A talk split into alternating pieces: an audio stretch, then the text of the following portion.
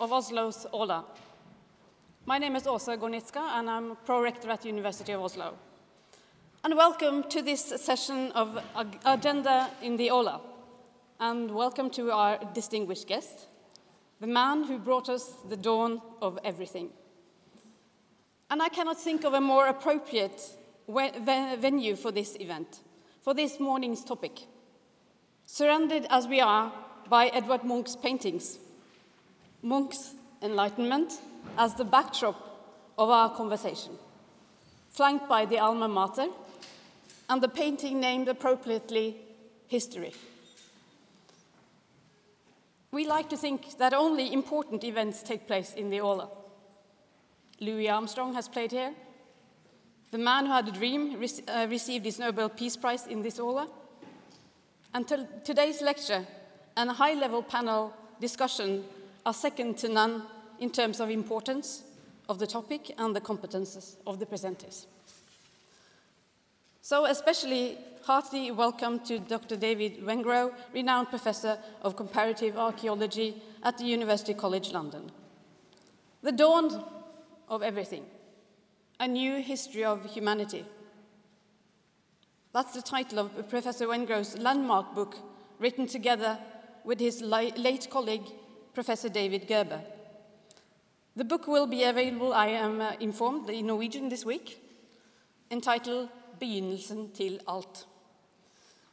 And dawn, the dawn of everything.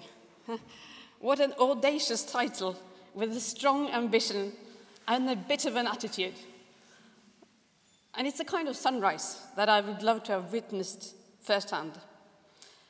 And uh, as I understand, or maybe it's part of the mythology that tend to develop around books like this, the original plan for the book was actually to write a kind of uh, world history of inequality.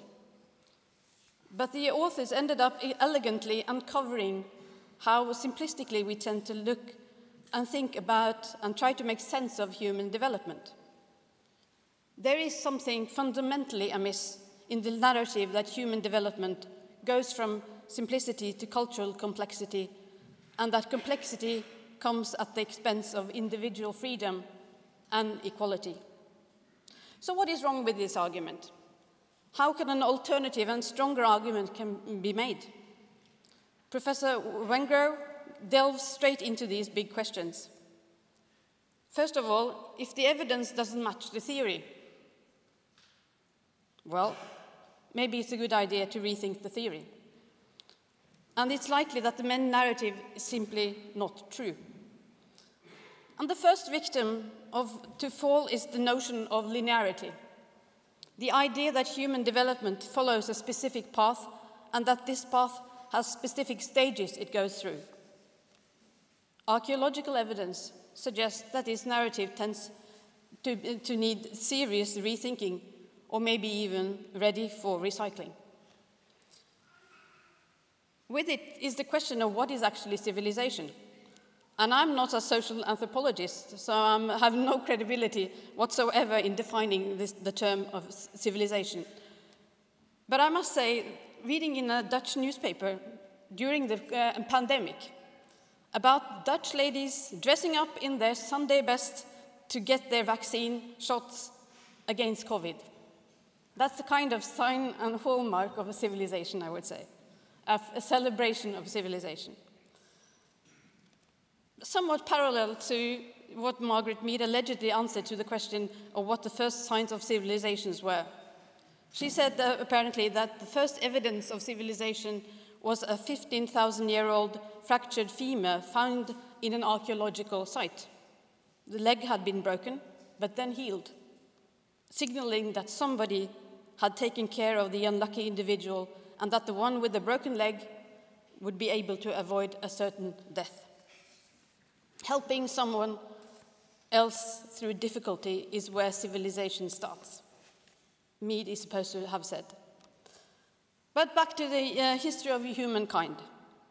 Development human, of hu human history is not linear, following a development path from egalitarian Stone Age. Rather, we should think of it as an, a, a development where people at different times have organized themselves into larger and more complex forms of society with social and technical innovation in societies that develop without necessarily having a center with a privileged ruler or a ruling class. It's also a history highlighting the playfulness and imaginative approach to social and political organization, including seasonal variation. So, the notion of linear development. It is an exceptionally strong storyline, uh, especially in my, my field, which is political science. And it's almost been a conceptual iron cage, I would say, from which it is difficult to escape. Wengrow rattles this cage. This conceptual cage has had a hold on our minds almost the same way that it was unthinkable for my generation to conceptualize post war Europe as something other than East versus West, an iron curtain that could not be pulled back. And that was all before the Berlin Wall crumbled, and not crumbled really, in the passive voice. People brought it down and thereby escaped their destiny. Similarly, the notion of the nation state as the mainframe for political organization, the Westphalian political order, makes it difficult to even imagine, at the very least, make sense of democracy at the level beyond the nation state. So, what kind of interpretation will future archaeologists make of the evidence of political organization, such as the European Union, that are constructed mid air and beyond the nation state. Moreover, and slightly relevant to, uh, and highly relevant to today's discussions, how does a new history of man make credible arguments against the view that inequality emerges as a necessary and natural consequence of people organizing themselves in larger societies? Is inequality inescapable? It, that says something about the room for change and the mechanisms of societal change, the extent to which we can actually design uh, societies and political and uh, societal orders. As Charles Tilly says, people actually construct democracies, but construct has the misleading connotation of blueprint and carpenters, when over the last hundred years the actual formation and deformation of democratic regimes has more often resembled the erratic evolution of a whole city than the purposeful building of a single mansion. End of quote. The erratic evolution of a whole city. When preparing the, uh, for this morning's event and pondering Professors Wengrow and Graeber's uh, picking apart of our linear approach to human history, I started also thinking about the work that we are now doing at the University of Oslo with our African and European university partners to promote capacity building and sustainable development in low income countries. Acting on global inequalities does not necessarily profit from an implicit or even explicit linear models. For instance, where support of uh, educational system, do we have to go through the support then first primary education, then secondary education, and then finally, if there's money left, we can support higher education and research-based uh, uh, university education. Only then can higher, uh, so I, I, think it's well overdue that we rethink this approach to global cooperation. Uh, to uh, escape the heuristic uh, of, of, the, of the stages and stage development. As such, the findings in the dawn of everything may, or perhaps should, have implications for how we think and act when cooperating globally. Well, back to the spirit of the University Ola. It is the place for debate, for critical thinking, for sticking to the evidence, and engaging also with the challenges of our time. So please, uh, uh, we have great expectations uh, to, for this morning's event, and I give the word to Trygve, please. Thank you very much.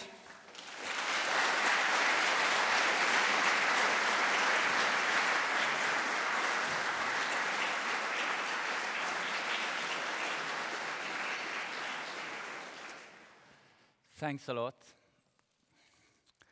Um, since we have um, uh, there David, since we have uh, maybe Norway's most famous social anthropologist in the room, I thought I'd give you, a, and if you like your visit to Norway, I just thought I would like you uh, give you a, a, tip on how to recognize a Norwegian uh, anywhere in the world. Uh, if you are in the airport and you see somebody in a suit and they're wearing a backpack, it's because it's a Norwegian. Um, but I also brought something with me in my backpack. And um, for those of you uh, who attended the Aula last year, uh, you might recognize the object because I used it last year as well. It's, um, it's a small piece, it's made of concrete. Uh, it has a little bit of color on it. Um, I've been having it, uh, I've been owning it, it, since I was 12 years old. Uh, anybody want to guess what it is? It's it's not no no it's not National uh, Association for Tourism. It's a bit piece of the Berlin Wall. It's a piece of the Berlin Wall. Uh, nowadays, I keep it in my pocket all the time. A piece of the Berlin Wall. And the other object I have, this one I got from my father. Um, the other object I got from um, a very old friend of mine when I turned 40. It's a fossil. It's, uh, it's an uh, ocean creature who lived 250 million years ago. And I just wanted to bring up both objects because as I've been reading Professor Wengrow's book, uh, I've been looking at these objects and thinking about how there's been life on this planet and how, um, how we adjusted to it and fought for it and, uh, and worked with it uh, during a very long period of time.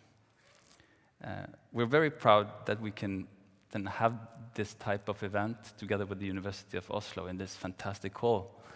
Uh, and I would also like to, to just remind us that it's the university that, that makes this possible. But Agenda, uh, the think tank, is uh, funded and paid largely by, the labor unions. So the reason we're able to have an event like this, to bring in academic superstars like David Van Wengrow, is basically the contingencies paid by the bus drivers, the, the, the, the, people who, who do renovation, the people who will clean this room when we're finished. Uh, and that's also an important institution and, a, and, an example. And I also thought about that when I read your book, David, that uh, how we organize ourselves. And I know one of our panelists is very happy that the debate is happening today and not tomorrow, because tomorrow the, the people who work in our kindergarten will go out on strike, uh, which is also an important institution.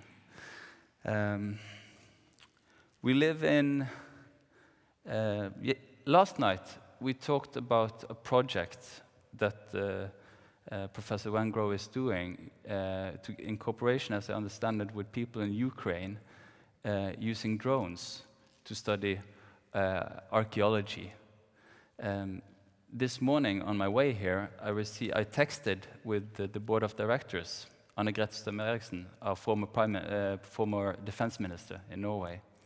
Um, she's stuck in Bergen because the, the airport in Bergen is now uh, closed because of uh, drone observation.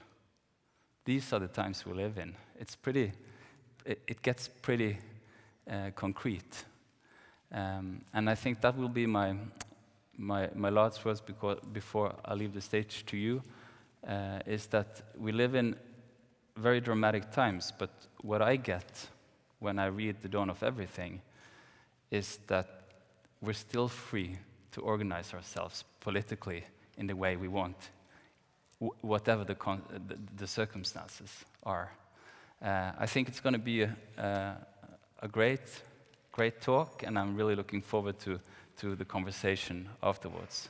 So then I'll leave the stage to you, and please give Mr. Wengrow, uh, Professor Wengrow, a big hand of applause.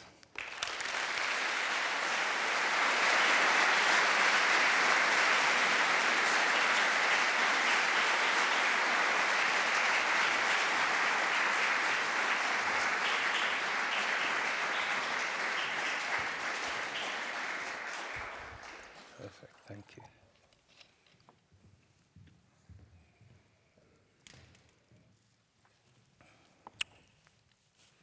Good morning. Thank you so much for your hospitality. Thank you to all the working people who've made it possible for me to visit uh, here. Thank you for the opportunity to speak in this extraordinary space, which really I think um, it's quite right uh, what was just said. Uh, it, it it's an incredible honor to present the book in these surroundings. Um, feels sort of right somehow for the topic. Um, thank you.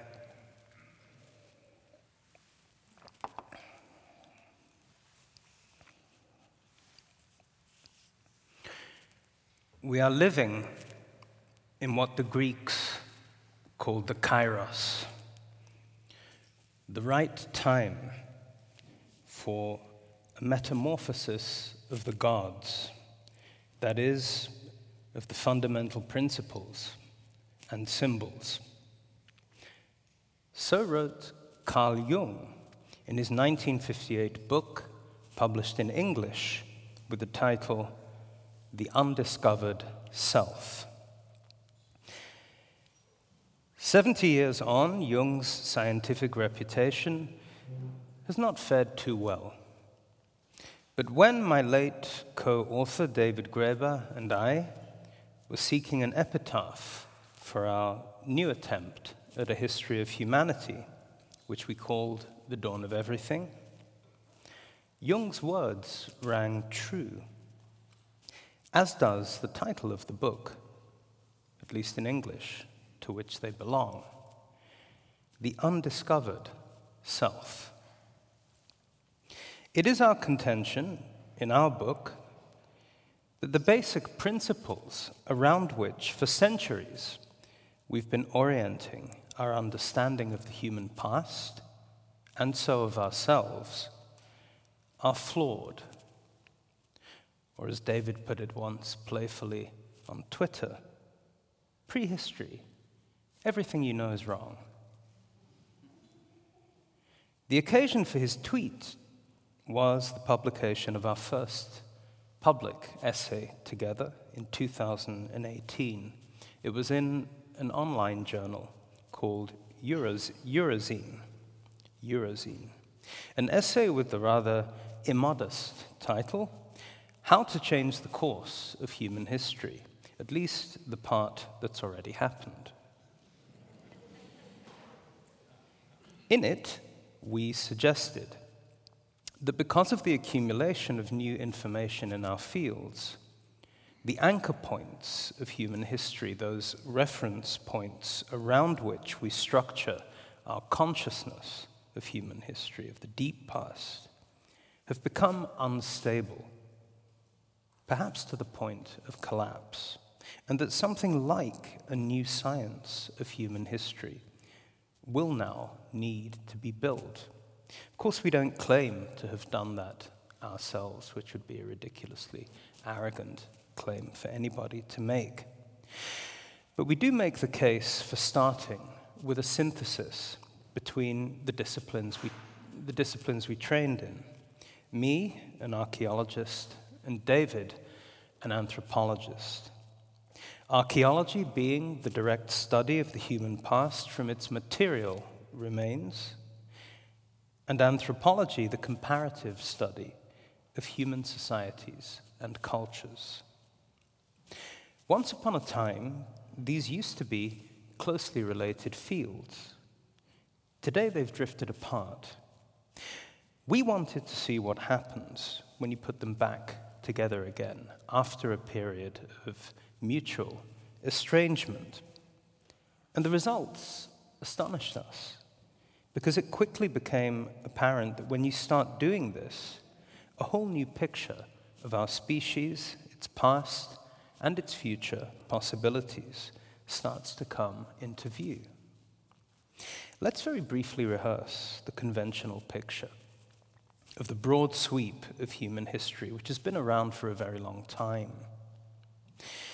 In fact, it was created mainly by philosophers like Jean Jacques Rousseau, long before there was any direct evidence of what social life was like in the remote past. Here's roughly how it goes. Once upon a time, so the story goes, we were hunter gatherers, living in a prolonged state of childlike innocence in tiny bands. These bands were egalitarian. They could be, for the very reason that they were so small. It was only after the agricultural revolution, and then still more the rise of cities, that this happy condition came to an end, ushering in civilization and the state, which also meant the appearance of written literature, science, and philosophy. But at the same time, almost everything bad in human life patriarchy, standing armies, mass executions, and annoying bureaucrats demanding that we spend much of our lives filling in forms.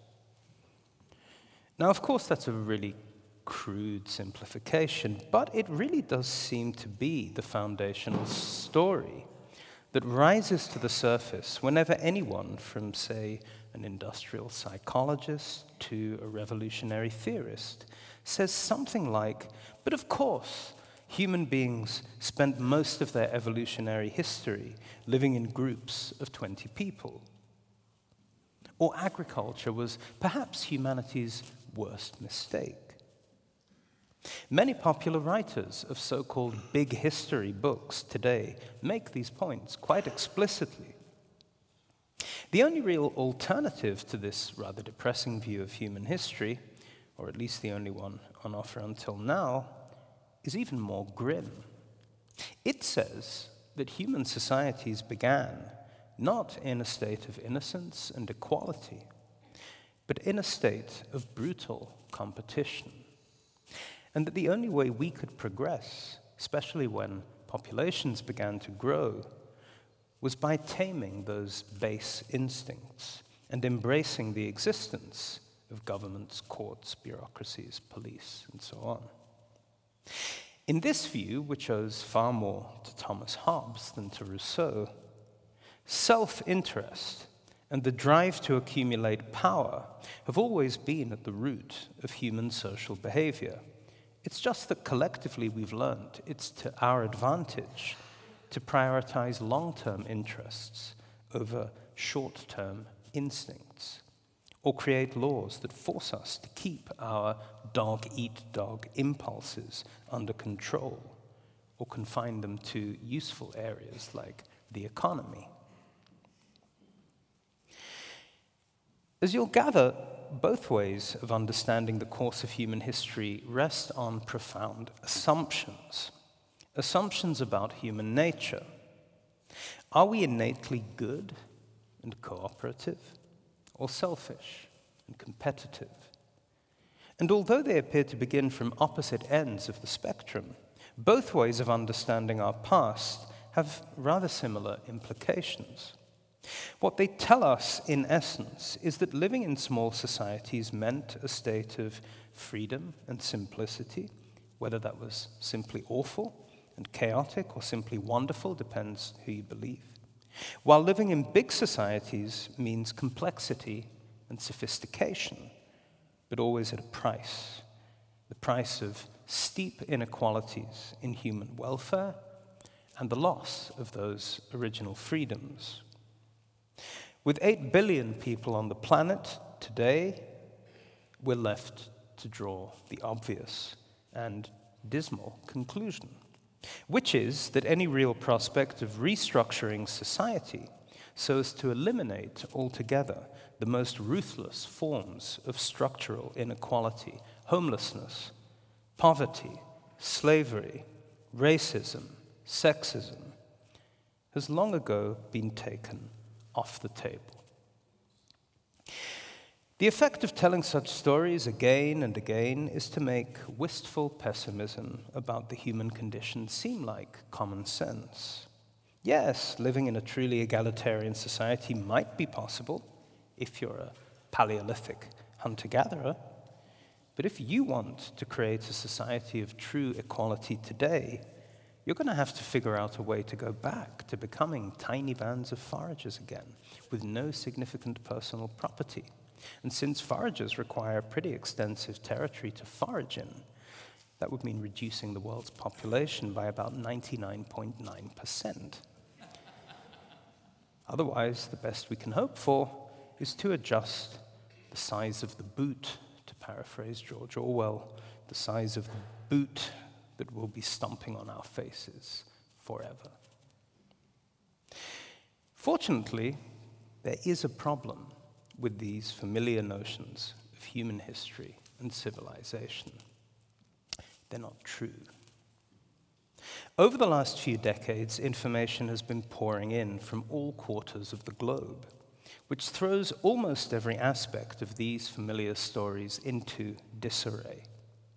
Still, as we found, the most remarkable discoveries remain confined to the work of specialists, or have to be teased out by reading between the lines of scientific publications.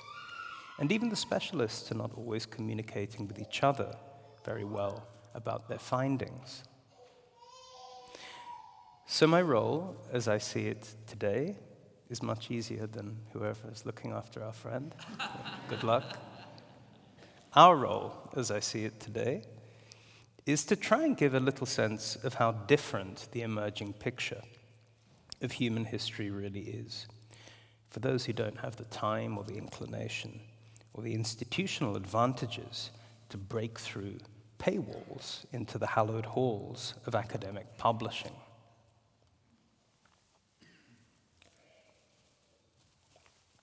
Let's begin with cities.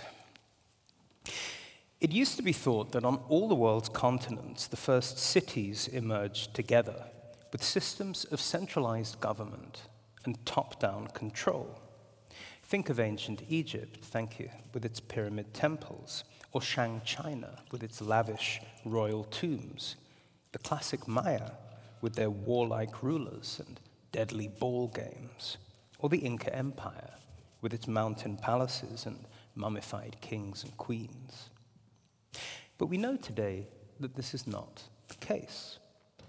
For example, cities already existed on the lower reaches of the Yellow River more than a thousand years before China's first known royal dynasty.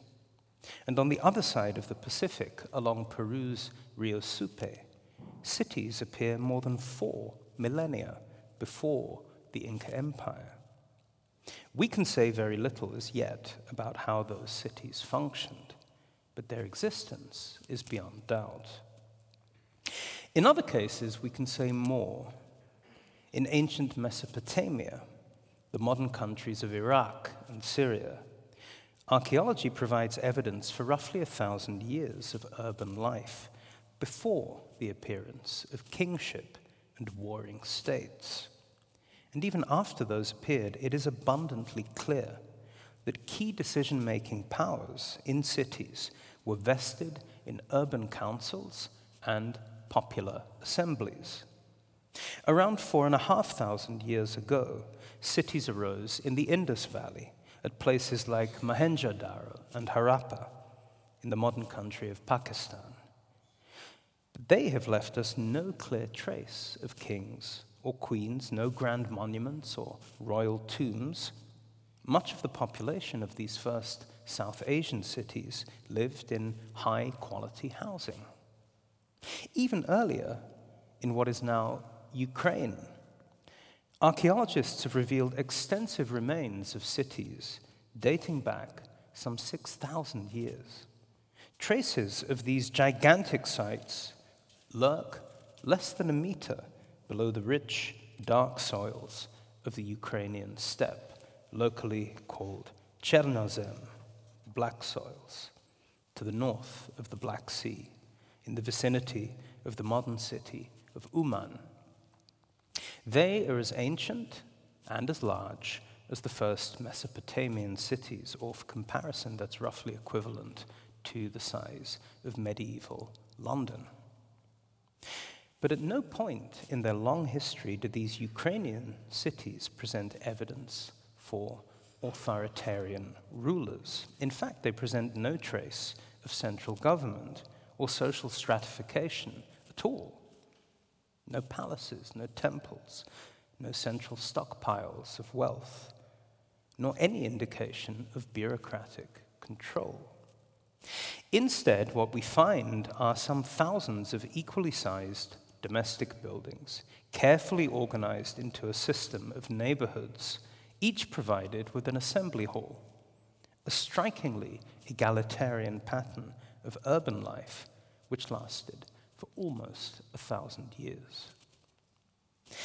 It seems increasingly clear that long before what we think of as the birth of democracy in ancient Greece, there were already well organized cities on most of the world's continents that present no evidence whatsoever for ruling dynasties and sometimes seem to have done all right without mandarins, priests, and warrior politicians, too. Of course, not all early cities were like this, and none of the cities that I've been describing was perfectly egalitarian. Many left no urban legacy behind them to continue into the present. Some, indeed, went on to become the centers of kingdoms and empires. But it's important to note that others did the opposite. To take one well documented example, around the year 200 AD, the city of Teotihuacan in the Valley of Mexico, with a population of at least 100,000 people, underwent a profound transformation, turning its back on pyramid temples and human sacrifices, and reconstructing itself as a vast collection of comfortable villas with subfloor drainage and spacious living quarters, housing most of the city's population. When archaeologists first encountered these grand apartment buildings, they assumed they must be palaces until they realized then that almost everyone in the city living in a palace. Again, none of this is to claim that any of these societies was perfectly peaceful or egalitarian.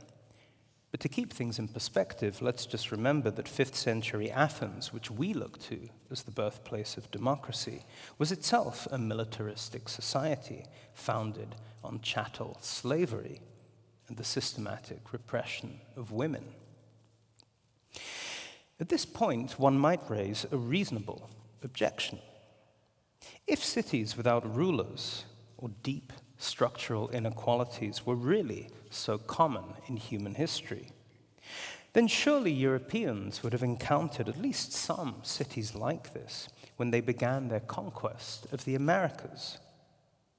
In the 16th century, Mexico, or what is now called Mexico, was one such land, teeming with indigenous cities, dominated by the spectacular Aztec capital at Tenochtitlan.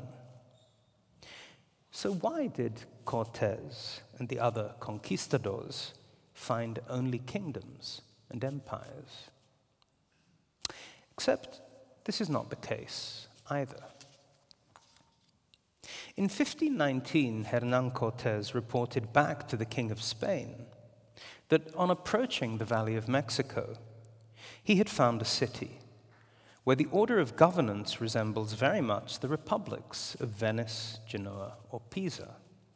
For there is, he wrote, no supreme overlord. Its name was Tlaxcala. As it turns out, the city of Tlaxcala was run by an elected council which reached decisions through debate and consensus at a time when such things were almost unheard of in Europe. Our knowledge of the workings of this indigenous urban parliament is very far from complete, but we do know some very telling facts about how individuals were selected for office. Far from being asked to demonstrate personal charisma or the ability to outdo their rivals, those who aspired to a role on the Council of Tlaxcala had to do so in a spirit of self deprecation. They were required to subordinate themselves to the people of the city. And to ensure this was just no mere show, each would be politician was subject to trials, starting with mandatory exposure to public abuse, and then with your ego shredded in tatters, a long period of seclusion when the incumbent politician suffered ordeals of fasting, sleep deprivation, bloodletting, and a strict regime of moral instruction. Even after that, politicians might be periodically whipped by their cons- constituents to remind them who was ultimately in charge. Clearly, taking up office in this indigenous democracy required personality traits a little different from those we take for granted in modern electoral politics. In fact, it was precisely at Tlaxcala that Cortes found military allies who enabled him to launch his successful attack, eventually, on the Aztec capital at Tenochtitlan, a turning point in the global rise of Western imperialism, an event that we usually think of as a triumph of guns, germs, and steel, forgetting that it was also, at least partly, the outcome of deliberations in an indigenous parliament.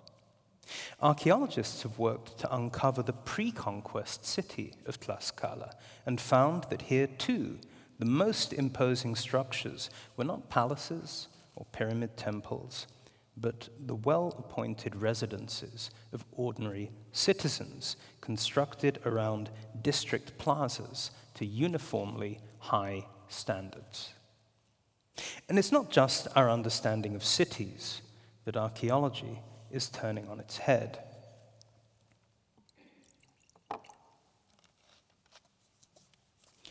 We also know now that the history of human social life before the coming of cities, even before the invention of farming, is simply nothing like what we once imagined. Far from living most of their lives in small bands of hunter gatherers, we now have evidence for a truly wild variety of social and political experimentation before the appearance of agriculture. To give you just a flavor of this diversity, let me mention briefly a few examples brought to light by archaeological science over the last few decades. In sub Saharan Africa, we can now show that hunter gatherers some 50,000 years ago maintained social networks of impressive scale, spanning the southern and eastern parts of the continent. And in Europe, during the last ice age, around 25,000 years ago. We find evidence all the way across the continent, from Russia to the Mediterranean, that certain individuals were being singled out for grand burials, their bodies covered with elaborate costumes, weaponry, and regalia. Archaeologists have playfully called these Ice Age burials princes and princesses, without always stopping to ask why we find so little evidence for their kingdoms or principalities, just the burials themselves. I'll come back to this point in a moment. In Central and Eastern Europe, then covered by steppe and tundra, we also find the remains of enormous and elaborate public buildings constructed from the bones and tusks of woolly mammoth, standing out clearly from ordinary dwellings. Even more strikingly, in the Middle East, around 11,000 years ago, hunter gatherers built enormous stone temples at places such as Göbekli Tepe in eastern Turkey, centuries before the domestication of wheat and barley. In Japan, we know that the storehouses of Sannai Maruyama could already hold massive surpluses of wild plant foods long before the arrival of rice farming from the Korean peninsula. And before the coming of maize cultivation to North America, indigenous peoples were already constructing massive earthworks like those of Poverty Point in what's now Louisiana, creating amphitheaters that were large enough to host hunter gatherer publics in their thousands. Remove the blinkers and you can see before you evidence for a pre agricultural world that is simply nothing like what we once imagined. This was not a world of roving hunter gatherer bands, although no doubt these existed too, but one of sedentary towns and villages, monumental sanctuaries, and stockpiled wealth. Quite often, it seems, hunter gatherer societies alternated routinely between hierarchical and egalitarian arrangements, switching around their group size and political structures with the changing requirements of the seasons taking on radically different forms in times of abundance and of scarcity. This is important for a variety of reasons, not least because it implies that far from living in a state of primitive innocence and naivety, early human populations would already have been conscious of multiple social possibilities and multiple ways of arranging their affairs.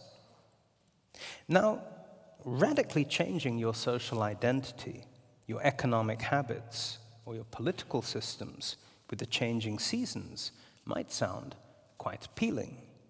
But it's something difficult for most of us to imagine these days, maybe even in the Nordic countries. How such arrangements might have worked in practice can be illuminated, however, by the much more recent history of populations like the circumpolar Inuit, the Nambiquara of the Amazon rainforest, or the First Nations of the American Great Plains. Anthropologists over a century ago used to describe societies of this sort as possessing a double morphology. Marcel Mauss, writing in the early 20th century, observed that the circumpolar Inuit, and likewise many other societies, have two social structures, one in summer, one in winter, and that in parallel they have two systems of law and religion. In the summer months, Inuit dispersed into small patriarchal bands in pursuit of freshwater fish, caribou, and reindeer, each under the authority of a single male elder. Property was possessively marked, and patriarchs exercised coercive, sometimes even tyrannical power over their families. But in the long winter months, when seals and walrus flocked to the Arctic shore, another social structure entirely took over as Inuit gathered together to build great meeting houses of wood, whale ribs, and stone. Within them, the virtues of equality altruism, and collective life prevailed. Wealth was shared. Husbands and wives exchanged partners under the aegis of Sedna, the goddess of the sea. Another example were the indigenous hunter gatherers of Canada's northwest coast, for whom winter, not summer, was the time when society crystallized into its most unequal form, spectacularly so. Plank built palaces sprang to life along the coastlines of British Columbia, with hereditary nobles holding court over commoners and slaves, and hosting the great banquets known as potlatch. Yet these aristocratic courts broke apart for the summer work of the fishing season, reverting to smaller clan formations, still ranked, but with an entirely different and less formal structure. In this case, people actually adopted different names in the summer and the winter, literally becoming another person, depending on the time of year. Perhaps most striking in terms of political reversals were the seasonal practices of 19th century tribal confederacies on the American Great Plains, one time farmers who had adopted a nomadic hunting life. In the late summer, small and highly mobile bands of Cheyenne and Lakota would congregate in large settlements to make logistical preparations for the annual bison hunt, the buffalo. At this most sensitive time of year, they appointed a police force which exercised full coercive powers, including the right to imprison, whip, or fine any offender who endangered the proceedings. Yet, as the anthropologist Robert Lowie observed, this unequivocal authoritarianism operated on a strictly seasonal and temporary basis, giving way to more anarchic forms of organization once the hunting season and the Sundance rituals which came after it were finished. And membership of these police systems also rotated annually. So if you're on the giving end of harsh justice one year, you may be on the receiving end the next. Interesting implications for policing. Quite independently, archaeological evidence suggests that in the highly seasonal environments of the last ice age, our remote ancestors were behaving in broadly similar ways, shifting back and forth between alternative social arrangements, permitting the rise of authoritarian structures during certain times of year on the proviso that they could not last. With such institutional flexibility comes the capacity to step outside the boundaries of any given social structure and reflect to both make and unmake the political worlds we live in. If nothing else, this explains those strange princes and princesses of the last ice age who appear to show up in such magnificent isolation, like characters in some fairy tale or costume drama. Did the invention of agriculture really mean the onset of inequality or the inception of private property, a departure from some egalitarian Eden? At the very least, I suggest such findings place these questions in a dramatically different light. In truth, this should come as no surprise. Consider, for example, briefly the case of the Calusa, one of the first North American societies described by European explorers in the 16th century. The Calusa were a non agricultural people, hunters, fishers, and gatherers, who inhabited the west coast of Florida from Tampa Bay down to the Keys. There they had established a small kingdom ruled from a capital town called Kalos which today is marked by a 30 hectare complex of high shell mounds and middens known as Mound Key. Fish, shellfish, and large marine animals comprised a major part of the Calusa diet, with also deer, raccoon, and a whole variety of birds. Calusa also maintained a fleet of war canoes with which they would launch military raids on nearby populations, extracting processed foods, skins, weapons, amber, metals, and slaves as tribute. When Juan Ponce de Leon entered Charlotte Harbor on the 4th of June, 1513, he was met by a well organized flotilla of such canoes, manned by heavily armed hunter gatherers. Some historians resist calling Calusa the Calusa leader, the king. They prefer terms like paramount chief. But first hand accounts leave no doubt about his exalted status. At the time of initial European contact, the man known as Carlos, ruler of Kalos, even looked like a European king. He wore a gold diadem and beaded leg bands and sat on a wooden throne. Crucially, he was the only Calusa who was allowed to do this. Now, confronted with such cases, those who believe in the idea that agriculture was a necessary foundation for durable inequalities have two options ignore them or claim that they represent some kind of anomaly.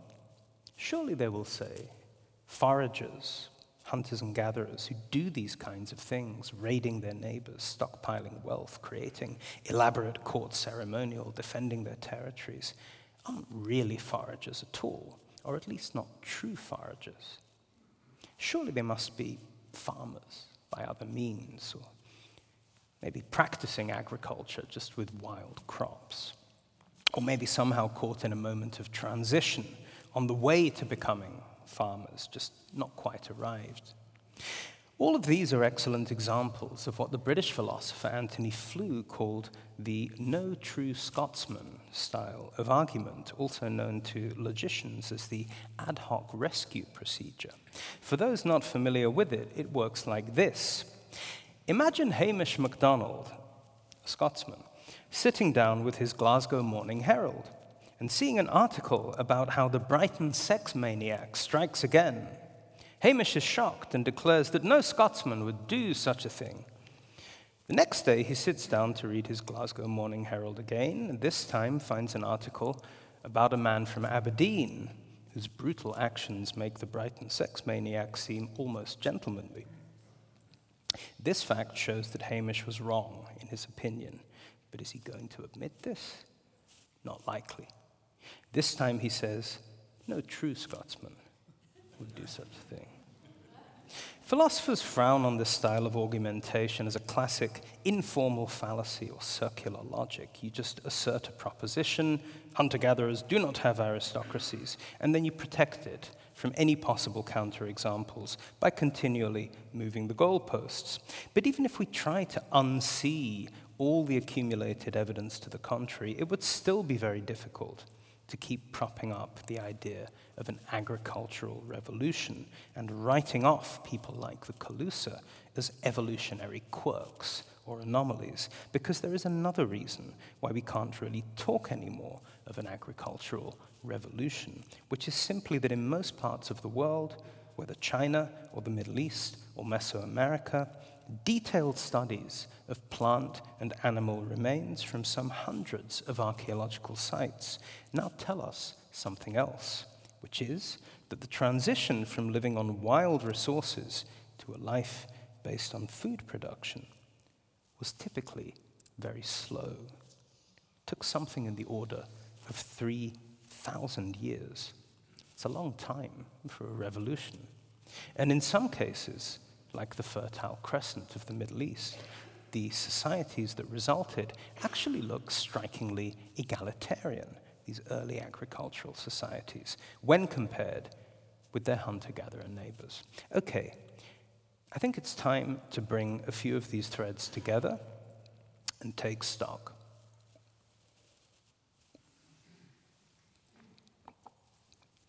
In the broad sweep of human history, there is, I suggest, no longer any particular reason to believe that societies which are small in scale are especially likely to be egalitarian, or that large ones must necessarily have kings, presidents, and top down structures of administration. These turn out to be just so many prejudices dressed up as facts or even as laws of history. As the historical verdict comes in, we begin to see that egalitarian cities, even regional confederacies, are historically not so unusual, while egalitarian families and egalitarian households are decidedly unusual.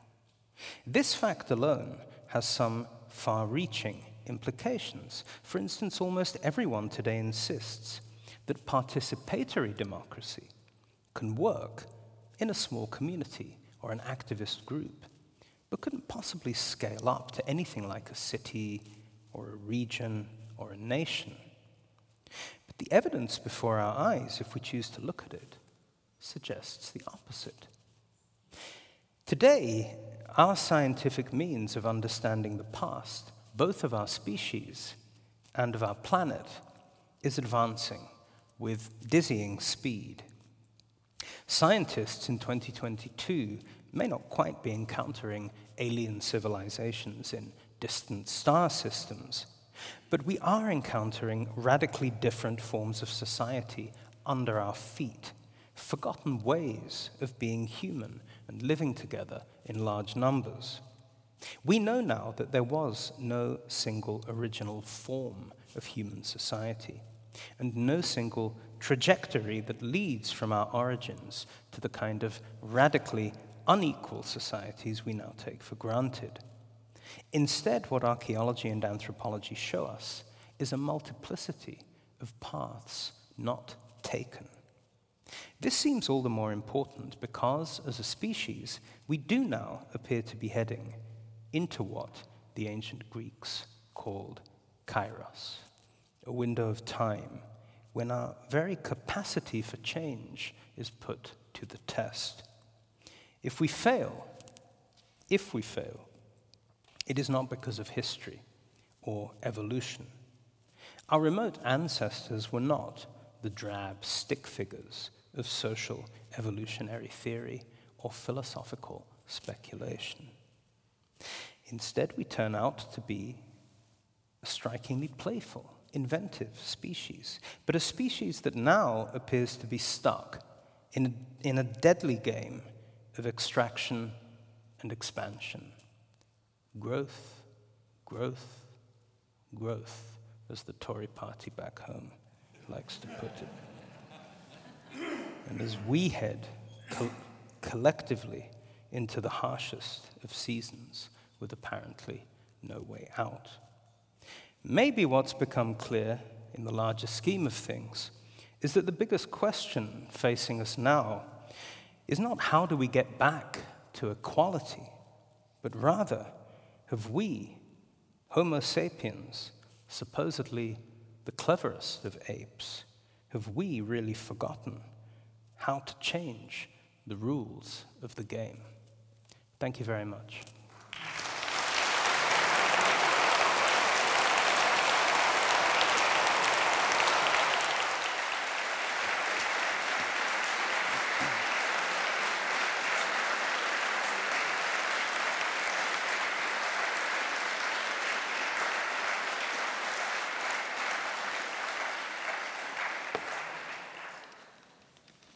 Wow. Thank you. Please have a seat. Okay. Well, I had a great time. Um, and now, um, thank you so much, Professor Wengrow.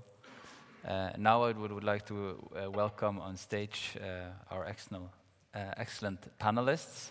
Uh, uh, professor Thomas Hylland Eriksen, who's a professor of social anthropology at the University of Oslo. You might take your seat next to David. Yeah, you, or maybe you, you'll sit here. Uh, and um, uh, Ragnhild Camilla Schreiner, who's an economist, also from the University of Oslo. Uh, maybe you would like to sit here, Ragnhild. And uh, Harsvik, who is uh, deputy minister at the Prime Minister's office at University of Oslo. Uh, please have a seat there. And let, let's give them also a round of applause.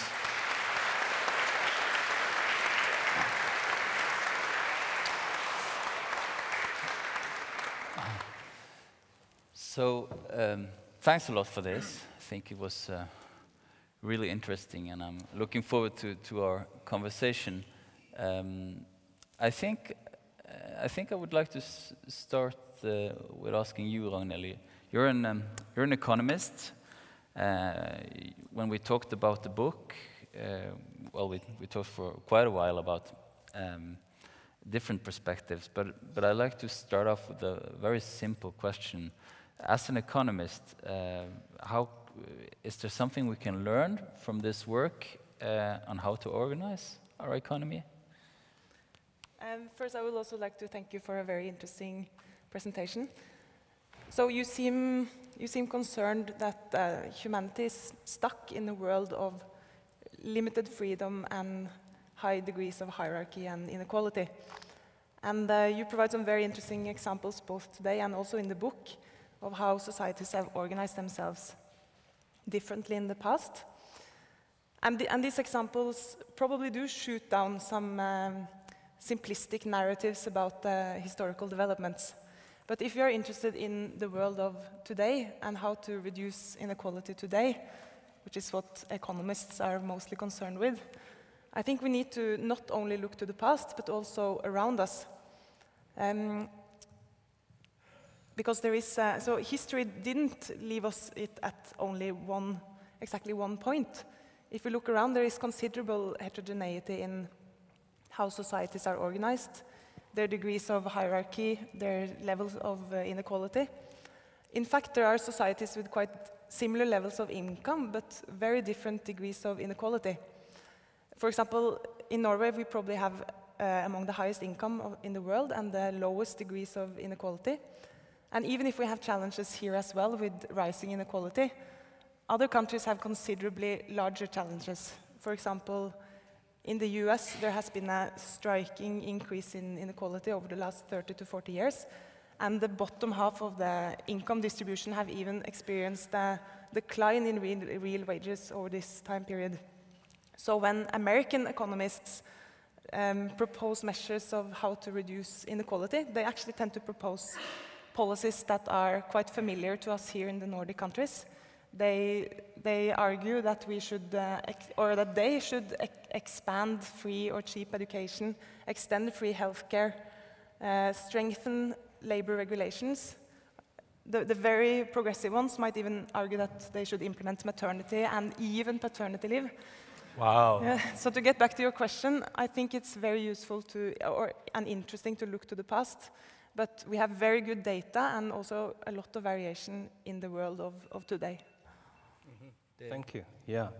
Uh, if I can respond briefly, um, all of the things you, you, talk about are obviously hugely important. Um, but I guess the question we would ask is how much do they really capture what's going on in terms of equality? Uh, I've been very struck by the book from quite a few years ago now by the French uh, social historian Pierre Rosanvallon, La Société des Égaux, the Society of Equals. And he just makes the very simple point that you know, every year we get better and better metrics. We get more and more sophisticated ways to measure rates of inequality and Gini coefficients and so on. But as he points out, it's almost as if the better we become at measuring inequality, the less we seem capable to actually do anything about it. And arguably, what concerns people uh, just as much as uh, access to uh, wealth and material resources is the fact that certain people, a small minority of people, are able to transform those material inequalities into something else, which is power and influence. Um, and I think these are the kind of questions that perhaps are not entirely captured by an economic view of the world. And in a way, um, what we're pushing back against in, in our book is the sort of economization of the whole of human history. Because, as you probably know, it's increasingly common now for people to take the methods of Thomas Piketty and other, other leading economists and apply them to everything, you know, all the way back to the stuff I was talking about, back to Stone Age mammoth hunters. You know, people have tried to calculate uh, their, their salaries, their income rates, which, you know, we laugh and it's kind of bizarre, but this stuff uh, gets funded as research. Um, so there is this, uh, they turn out to be quite low, by the way, um, strangely. Um, so, um, yeah, there, there is this uh, slight, perhaps sort of tyranny of the economic viewpoint um, over places and spaces of human experience where perhaps it doesn't tell us everything that's going on. If I can just yeah. answer briefly, I think in order to tackle inequality, we certain, uh, it, it must be an advantage to try to measure it mm -hmm. better. So the fact that we measure it better and better, I believe, is, uh, is, is actually helping us to tackling the problem. Mm. And also, uh, economists tend to agree with you that it, it's, uh, and, and, put a lot of focus on the fact that it's a challenge that the top mm -hmm. um, decile in the income and wealth distribution is really growing faster than the rest of the, of the rest of people, mm. and that this leads to concentration of power and ownership that is, uh, that is -hmm. challenging and that we need to try to tackle. -hmm. like to comment briefly on that? well, the only other thing I'd comment on, just going back to your initial question, is that um, if, if you look at our book carefully, you see that we never suggest at any point that the past contains solutions for present day problems. Um, that is not uh, our proposal at all.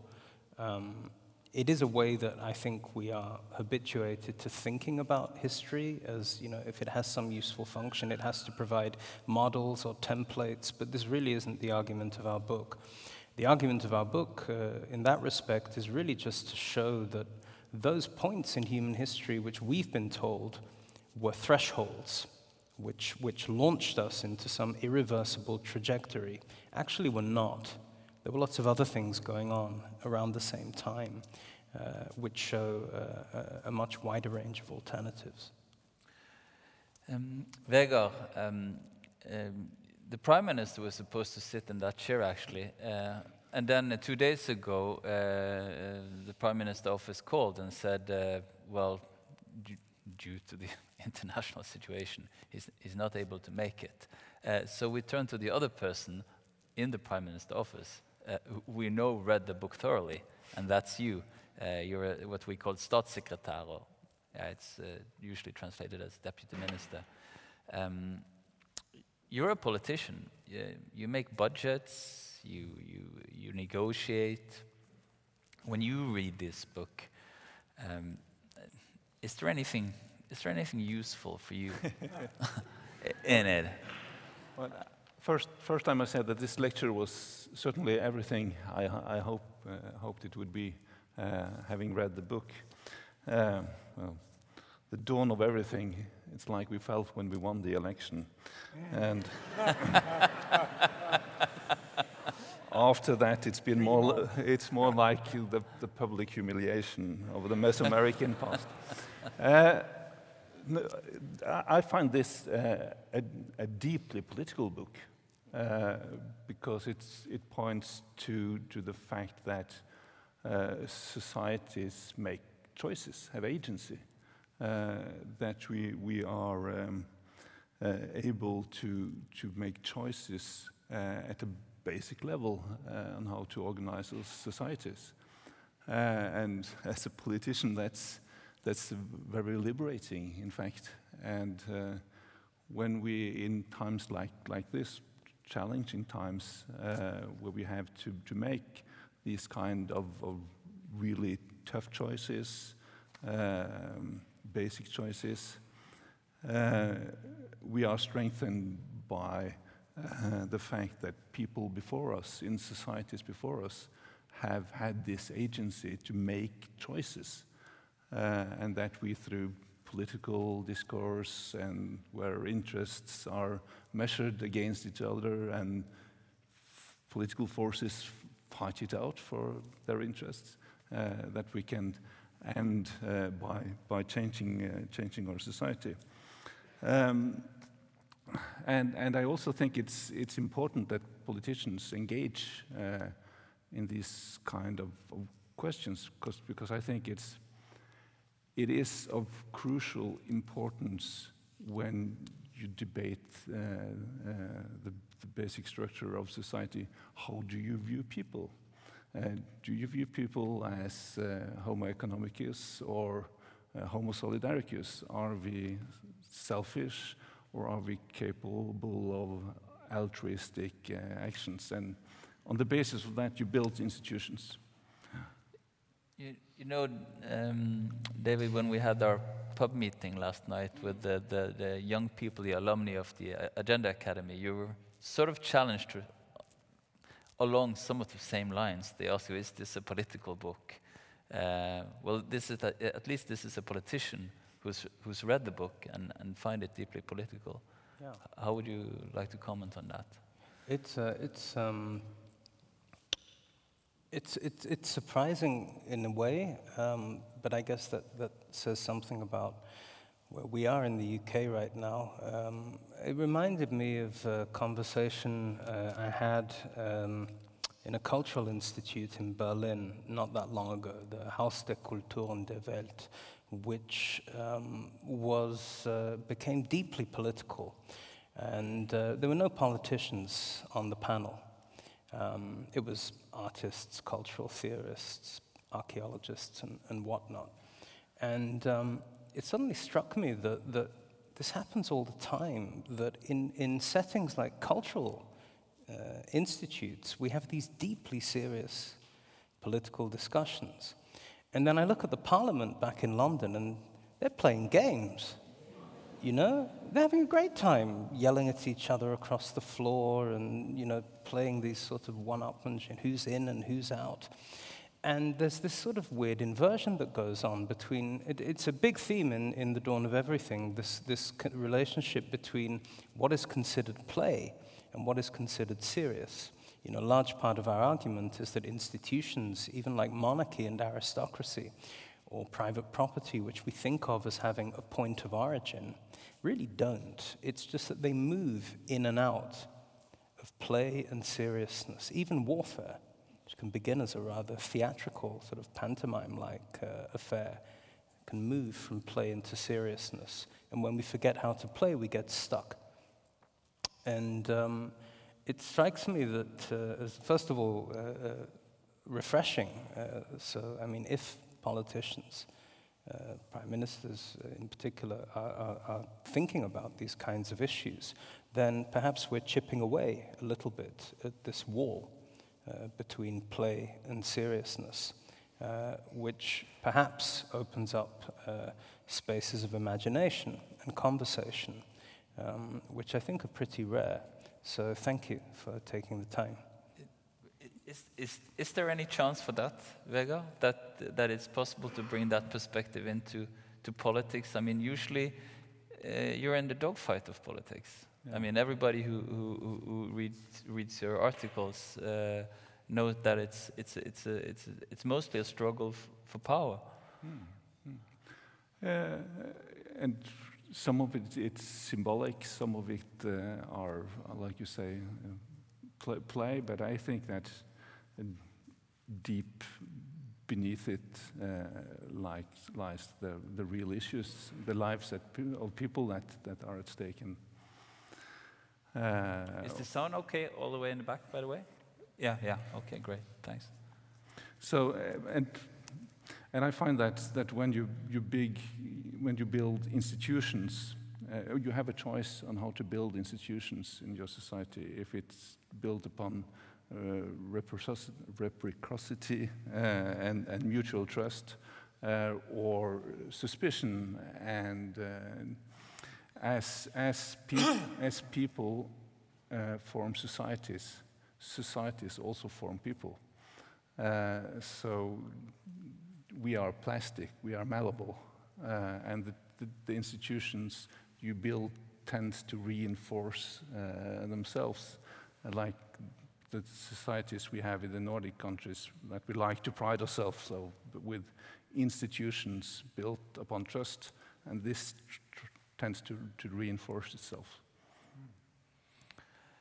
Thomas, um, I suppose I suppose you're our most famous public intellectual and academic in Norway in many ways, uh, and uh, you've certainly been important writing about this book very early. I think that's one of the reasons it got such, such an outreach here. Uh, and I remember very well that you called it uh, a total renovation of our cultural history. Uh, could you just just uh, explain to us briefly why why were you fascinated by this work in the beginning? Yeah, I'd, I'd love to. Uh, I also have a question, if it's okay, but I'll, yeah, I'll yeah, yeah. get that at the end. First of all, I mean, it's, uh, it's, it's a remarkable thing that a book which tells us that things are more complicated than they seem can become a global bestseller, because that's exactly what we are told by publishers not to do. Trade publishers tell us, simplify, uh, get your message through in one sentence, do you like the Hararis and Diamonds and Pinkers and, uh, and Fukuyamas, uh, and give us one sentence uh, that can make the reader feel like a genius. And instead, what David and David are doing is to make things more complex. They say, look, I mean, the, the past is more open ended. So I suspect that the very overambitious title is not yours, okay? Uh, that's my suspicion. Uh, it's a result of a lengthy tug of war between Alan Lane and the authors. And the authors had their way. They were allowed to uh, uh develop all this complexity uh, and, uh, and make the past a more fascinating and complicated place where we no longer rely on Hobbes and Rousseau in order to understand the present. Whereas the publisher got the last word when it came to the title. But that's just, that's just my, my guess. So it's, uh, it's an ambitious title, and obviously it's not a book, it's not about the dawn of everything, okay? Uh, but it's about the dawn of, well, the beginning of lots of things. Um, it's, it's very strong on, uh, on hierarchy equality. I mean, it really dismantles the question that the authors raise at the beginning what is the origin of inequality? Discovering that the question is wrongly asked because there is no such thing. It's turtles all the way down. Uh, and uh, so uh, we have to look at the dynamic relationship between egalitarianism and hierarchy throughout cultural history and the oscillation between the large and the small scale. Much of what you're saying, as you, as you, uh, as you admit you know, in the book, is, is, is things that have been well known, some of it for a very long time. Boas on the potlatch, late 19th century. Marshall Sahlins on the original Affluent Society, late 1960s. Uh, and this was things that we read as undergraduates in anthropology without taking the theoretical step and actually making sense of them in terms of a, a, a new view of cultural history. And this is what you're doing. And not least, I would say that the archaeological work really shines. You know, the archaeological contributions, the work on the Ukraine that I've formerly heard you speak about in in Germany and, and elsewhere, and, uh, and the Harappa mystery. Why, why was there clearly a ritual hierarchy, but no visible trace of a material or economic hierarchy? Perhaps in the Bourdieusian sense, you can have one kind of hierarchy without the other. Why not? Why can't you have ritual capital without economic capital? Uh, no reason why you shouldn't. So it's a book about freedom. It's a book about the way in which uh, there were many alternatives in the past. And Margaret Thatcher and her intellectual self appointed here, Liz Truss, are wrong in saying Tina, there is no alternative. They should have said Tama, had they read this book. There are many alternatives. Uh, there were many alternatives in the, book, in the past, and this is also why the, the future is open. So it's, it's, it's a great gift, I mean, this book. Obviously, had I written about it in an academic uh, yes, I'm coming to my question very soon. Yeah, yeah. no, no, but want me give bit give him an applause. In, I a, mean, in academic uh, context, uh, sorry. No, we could have spoken for a month. Yeah, I know. No, but uh, can I just ask both of you, really? Um, because I feel a bit stricken. Because when I read Harari, I also felt like a genius, you know. And I, I think, uh, yeah. I think my, my, my, family got sick of me because I was tell, giving little lectures all the time. And but uh, but I totally agree with you. You know, it's it's it's fascinating to read and learn that the world is far more complex.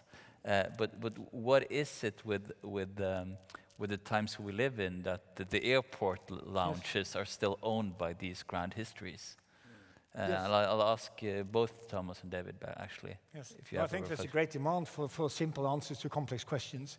And the more complex and, and more illegible and incomprehensible the world becomes, the greater is that demand. And we should be grateful that people are reading Harari instead of joining Trump.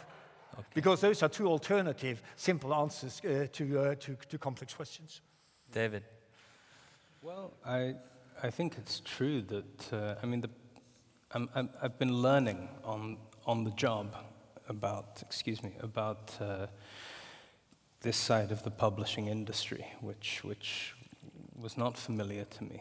Uh, the world of uh, trade books, bestsellers, or whatever you want to call it. And it's clear to me that, that our publishers took a, a chance, they took a risk with this book, because they also publish all those other guys.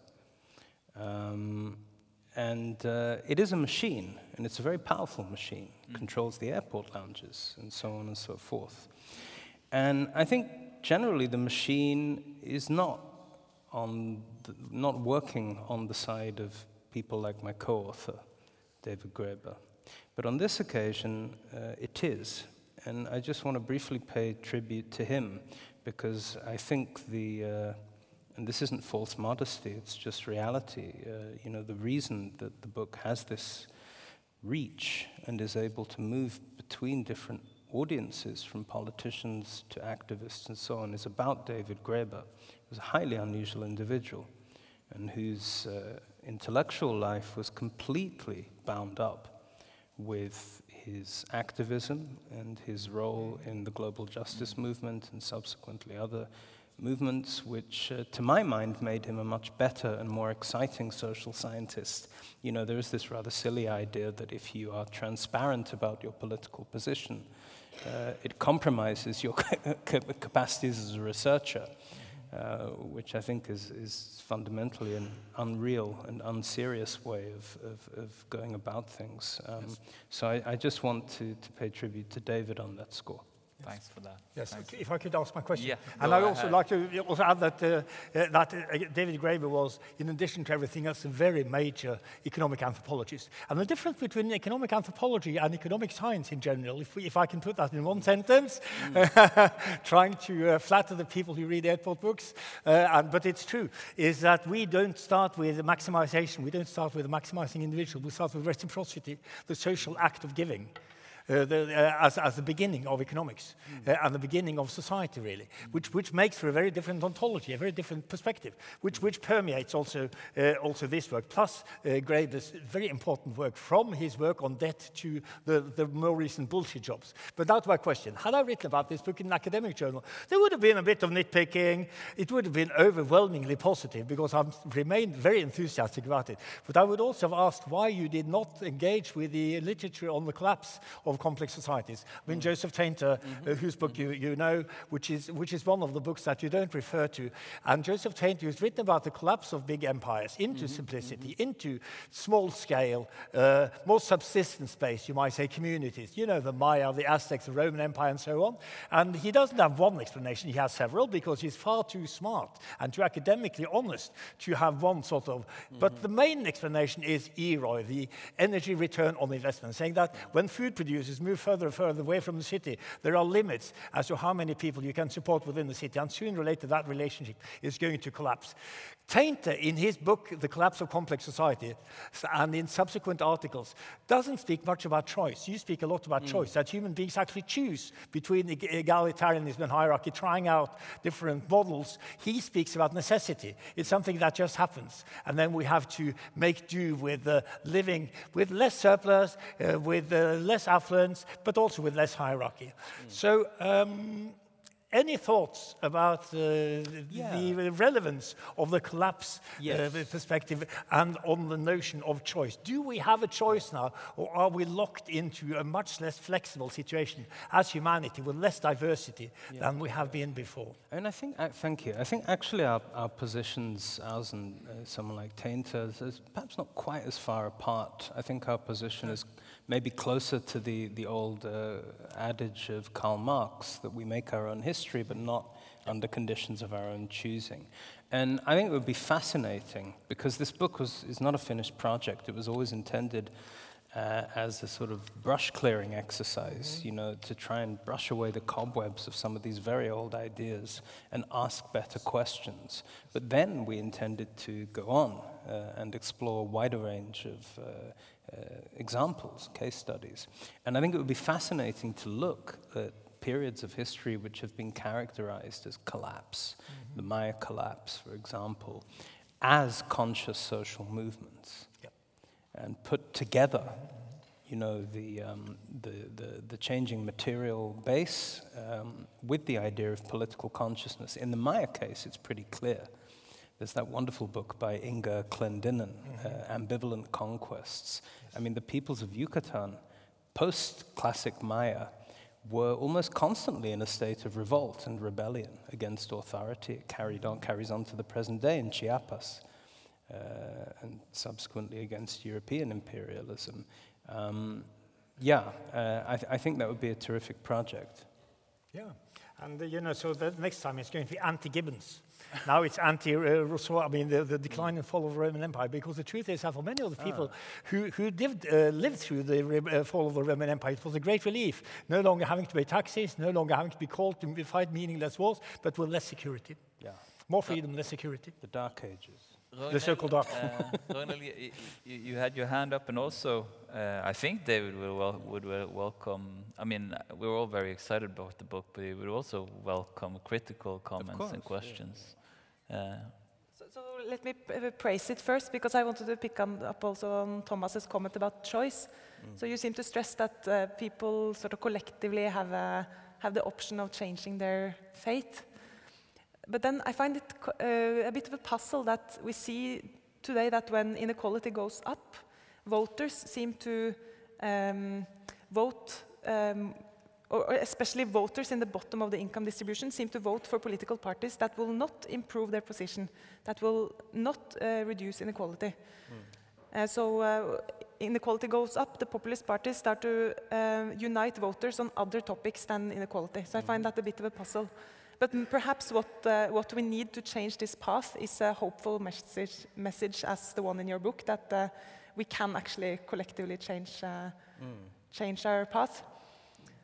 Uh, but then, um, so I also agree with Thomas that in the, I mean, it's a very long book and there's a lot of uh, detail, and in some of these uh, chapters, you throw some very hard punches to fellow uh, authors of um, popular science. And uh, I think you're right in, in that when you try to convey a very strong message, it's easy to reweigh your evidence a little bit in a way that will help uh, convey this message. And I wonder if you sometimes also fall a, a little bit for that, for that temptation yourself. I was, uh, for example, uh, or actually in conversation with my uh, beread father, who, whom I discussed the book with a lot. We were a bit uh, puzzled about the statement that um, the concept of inequality was completely unknown. Uh, and people were not aware or discussing this uh, among scholars in the Middle Ages.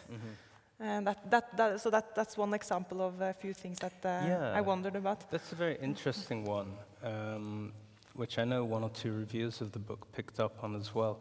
There was actually a study by uh, two Italian, I think economists actually, it was a PhD, and they used a method uh, of uh, sort of big data analysis of medieval texts. And they did a search on the terms equality, inequality in all the obvious languages and their cognates and Latin versions and so on. And what they found is really kind of fascinating, which is um, yes, of course, there was a notion of equality and inequality. Um, but the contexts in which it was used were pretty limited and were often actually theological. The idea of social inequality or material inequality in the modern sense, they argued statistically, based on their findings, really takes off only uh, in the 18th century and very dramatically. Um, which I think is interesting. It's um, sure, I mean, perhaps we overstate the case slightly. Uh, and of course, you have movements like the levelers and so on. Um, but their findings uh, seem to be pretty well grounded. Vegard, um, we discussed a bit, you know, the, the borderlines between making things simple and making things complicated. And uh, whenever I have, a, whenever I talk to somebody uh, in government and I ask them, how can you do something so stupid? It's, uh, the answer is always, you know, it's a bit more complicated. Uh, so do you recognize this from the practical life of politics? Well, I, ab- absolutely, absolutely, and, and I also daily struggle with the question: Why do people keep voting for other people um, when it's so clearly uh, in their interest uh, to, to, to vote for us? Um, but but um, things things are, are not only uh, about the material basis. Uh, it's also about the stories that we tell about ourselves and that the stories that we get other people to, to believe. Uh, and I think this is one of the things uh, that this, this book uh, contributes to. It gives other stories to tell uh, about choices uh, and, uh, and history and put, puts it all in, in, in perspective because um, like, like Piketty wrote, uh, I read Piketty. I won't mention, I've read Jared Diamond also. also. Uh, uh, yeah. Uh, um, but uh, but he, he, he writes a lot about this how inequality are justified by the stories that we tell. Uh, and uh, people with power have the power to tell stories that people believe. And accumulating more wealth give them more power to tell more stories through the TV stations they own and, and, and so on. Um, there are panelists. We're gonna close off pretty soon, but uh, I just want to. I guess I want to finish off this conversation, which I think has been great. With um, there's a part of the conclusion, and and um, and I mean the conclusion of this book is the length of a book in itself, in a way, which is uh, uh, it's a really long conclusion, uh, but it's it's a really interesting read. But um, write I guess it's in the conclusion of the conclusion uh, that uh, over the course of these chaps, chapters, we have um, instead talked about basic forms of social liberty, which one might actually put into practice, and you sort of sum up three basic freedoms. Mm-hmm. And a lot of people who write about this book um, lift this point. One, the freedom to move away or relocate from one's surrounding. That's a basic freedom that people have sought.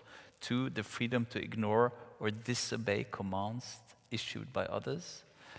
And three, which is, I mean, what we've been talking a lot about here the freedom to shape entirely new social realities. So, um, first the panelists and then David. Now we're going to end our meeting here. We'll go back into the world. We'll check the website. We'll see what happened in Ukraine or some other place in the world. Um, what, are your, what are your thoughts on, on, uh, on, on our chances um, to pursue these three freedoms? Ragnhild? I think there, there are challenges because uh, even in uh, the, the countries of the world with the highest degree of equality, like Scandinavia, there is now an increase in inequality. But uh, I'm hopeful that we can, can change this step by step, not via perhaps a, a complete change of economic system, no abolishment of property rights or anything of, this, of the sort, but to keep uh, trying to give people equal opportunities step by step. Vegard? Well, uh, I will just, when, when we are finished here, I will go back to the Congress of Fagforbundet, uh, the largest trade union in, in Norway. Um, ordinary people working for their interests and trying to achieve uh, freedom uh, on the workplace and in their personal and society, uh, society life. And I will bring a lot of hope and energy uh, from this conversation tonight. Thomas. Oh, there are so many things. You know, I saw George, uh, Orwell told us eloquently in 1984, Winston Smith is being instructed that let us not drink to the future but to the past, because he who controls the past controls the future. And that's one of the great gifts of this book is that it opens so many doors to the past and therefore also to the future. And I think some of the things that Vegard said initially are quite important when we think about freedom. Trust. How can we trust in a large-scale society? Uh, that's going to have to wait for, for, for later discussion, but uh, how can we trust strangers? What are the conditions for trusting strangers, which is essential if you live in a large-scale society, instead of being suspicious of them, in order to, to collaborate.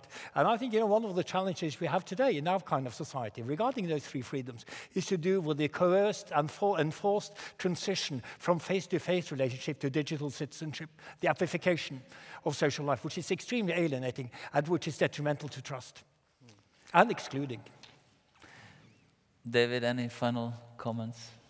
Well, uh, I think maybe it's a good idea to, to focus on the first of the, the three freedoms. Uh, in practical terms, you know, it's been pointed out that um, what is often presented as a crisis of migration uh, might be better conceptualized as a crisis of hospitality, because these are not individual freedoms, they're social freedoms that we're talking about. They require infrastructures of hospitality uh, and mutual support. And uh, I think it's been shown that it's well within the capacities of European societies to do this if they choose to.